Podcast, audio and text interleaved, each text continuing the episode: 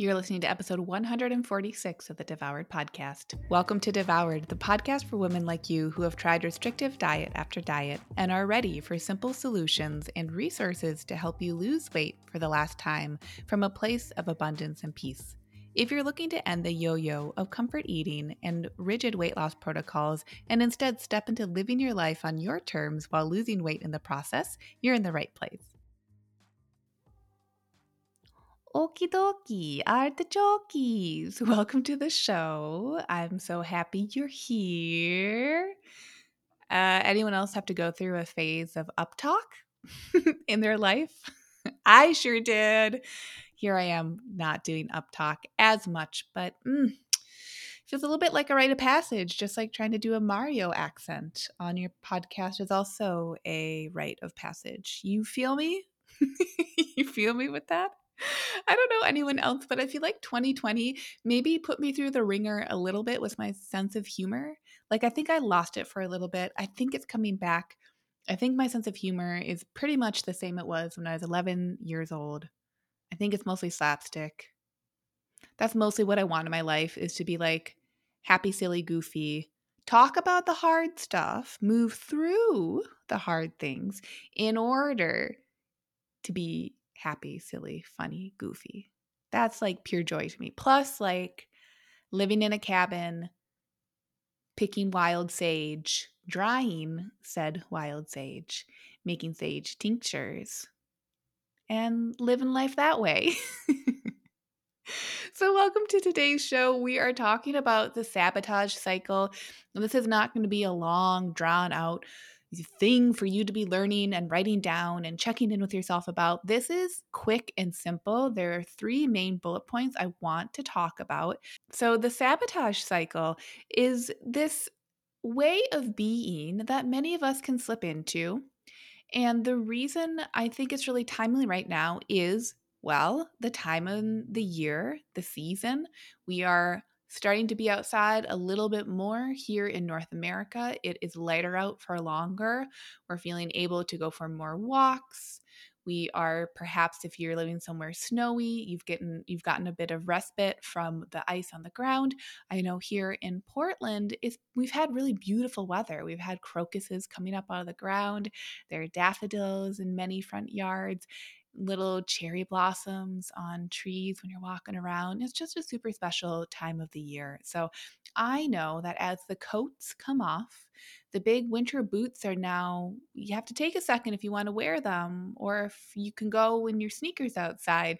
We're starting to have a different relationship with the weather and with the seasons. And uh, right along with that, many, many people, many, many women will start to decide that they need more food rules to go hand in hand with the fact that there's the potential for their bodies to be seen more as those big coats come off, as the big boots come off, as you maybe don't need a hat every single day. There's so many ways that we can be comfortable, we can become comfortable not being seen. And so this year, I want for you to know deep in your bones that you are radically beautiful and you are radically whole and you are radically ready and able to be seen to the degree in which you desire to be seen.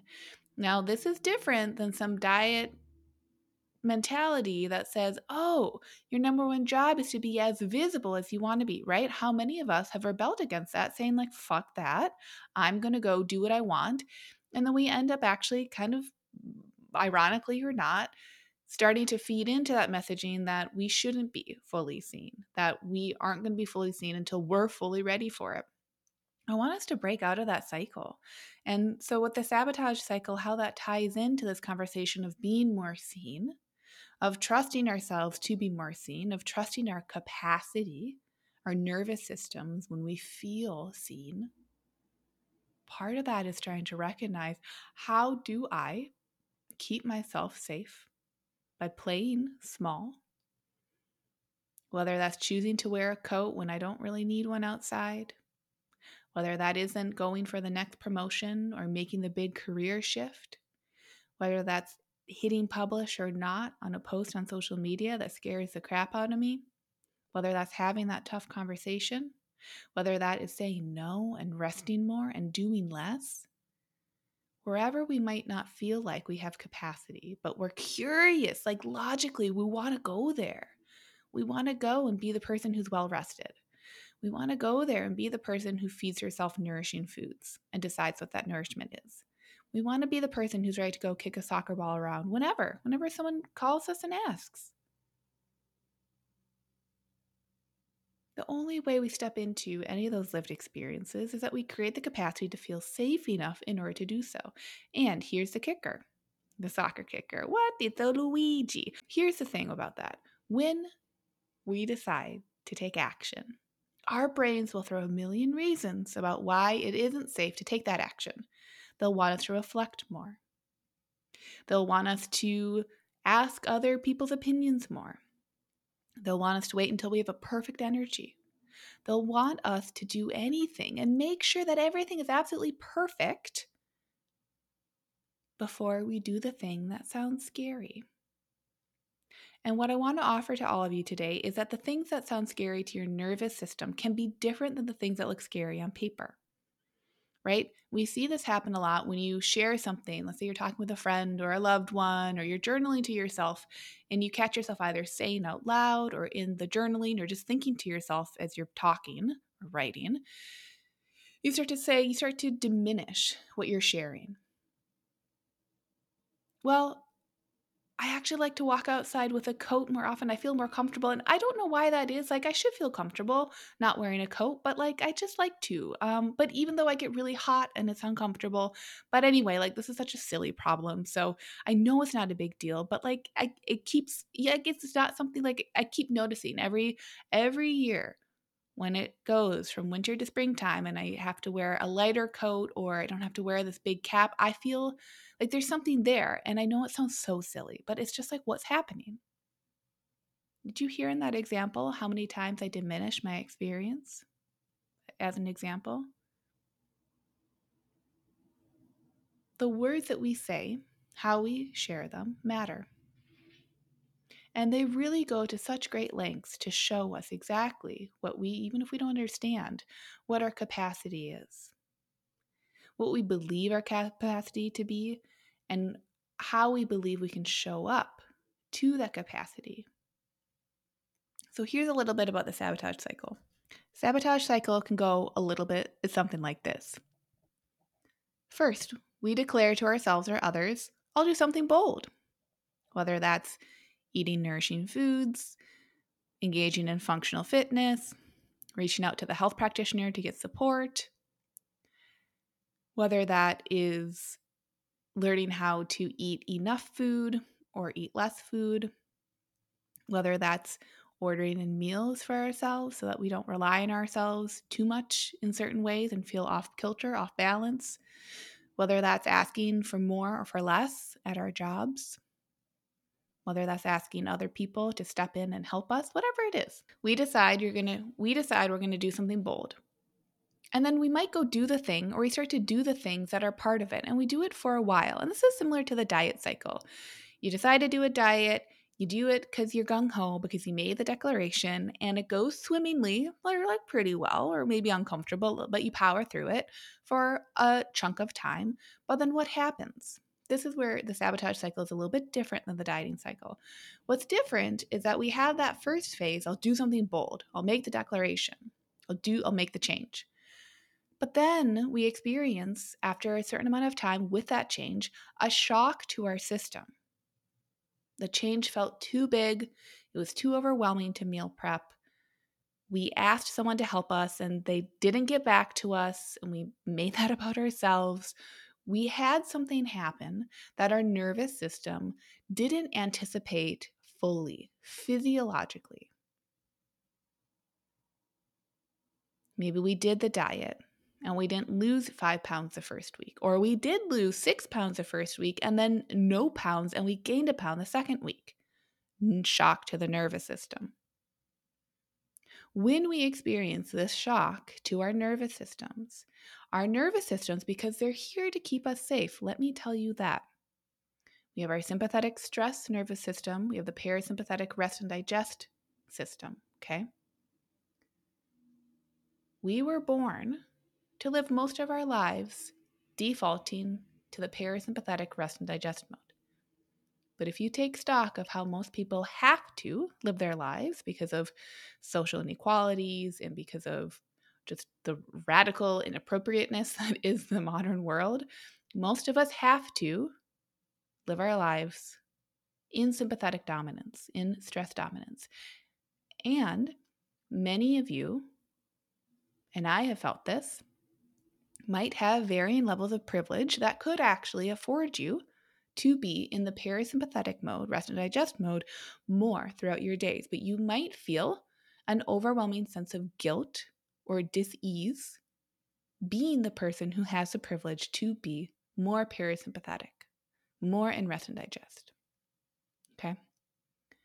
So it's some of those conversations that for handfuls of us can make the big bold declaration after a certain while, the thing we're going to do to change, feel like a shock to the system instead of like a fun shock. it's like the unexpected shock. And there's no place for that shock to metabolize through our systems. What was fun and inspiring becomes overwhelming and overburdening. Think about it like if you're going to like do a sprint outside. The sprint, having the adrenaline rush, the cortisol rush of sprinting, of running really quickly for a short period of time is healthful, is supportive. Our bodies know what to do with that. They can metabolize 30 seconds of adrenaline. That's fine. We have the rest of our days to metabolize that. But if you're always sprinting, if that's your only exercise, if you're exercising all day like that, we don't have enough capacity to metabolize that much adrenaline push out of our systems, that much cortisol push. We don't have the nutrients or the nourishment to always be shunting all of our energy into that stressful hormonal pathway. And that's what I mean when it's a shock to our system. It might not be overt. Sometimes it is. We make a big change. We're like, ah, this feels so big in the moment. Sometimes it's covert and it just builds over time. And then we start to wonder, why am I not doing that daily Pilates that I told myself to do? Why am I not blah, blah, blah? You get the point. So, this is where we come into the third part of the sabotage cycle, which is that those first two parts Number one, I'll do something bold. Number two, oh, I feel shocked to my system. Then bring us into the third, which is those two experiences reaffirm the shaky foundational identity I have about myself. I can do the thing until I break. Why is that? Ugh, it's just me.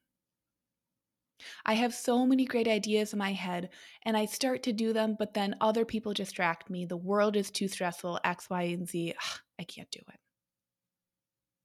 I'm not sure what I'm going to do, and I try to do the right thing, but then I get overwhelmed and I have to retreat. My body sends me all these weird signals. I don't know what to do. I have to go relax. I can't do it. The sabotage cycle is inherently about what you are doing. Now let that sink in for a moment. Sabotage cycle is about what we're doing. But that third part usually comes back to a nuanced who I'm being. We personalize our actions in that sabotage cycle.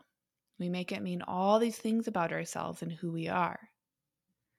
And so, in order to heal and resuscitate, and like like I think of the sabotage cycle as like this like shitty little scab that keeps getting like broken open. Instead of that, like letting it so that it can scab over enough so that it heals and we're just done having the sabotage cycle in and of itself. What we need to do is start to recognize that what we do it has absolutely nothing to do with who we are. And our brains will fight tooth and nail at first. When we have that realization, oh my God, I'm not what I'm doing. I'm just me. I'm whole right now, no matter what. When we have those realizations, that is the balm to our nervous systems that can start to increase and create play and flexibility with our capacities. Our capacity to hold space to say no. Our capacity to have a different view of the world than someone close to us. Our capacity to feel hungry between lunch and dinner.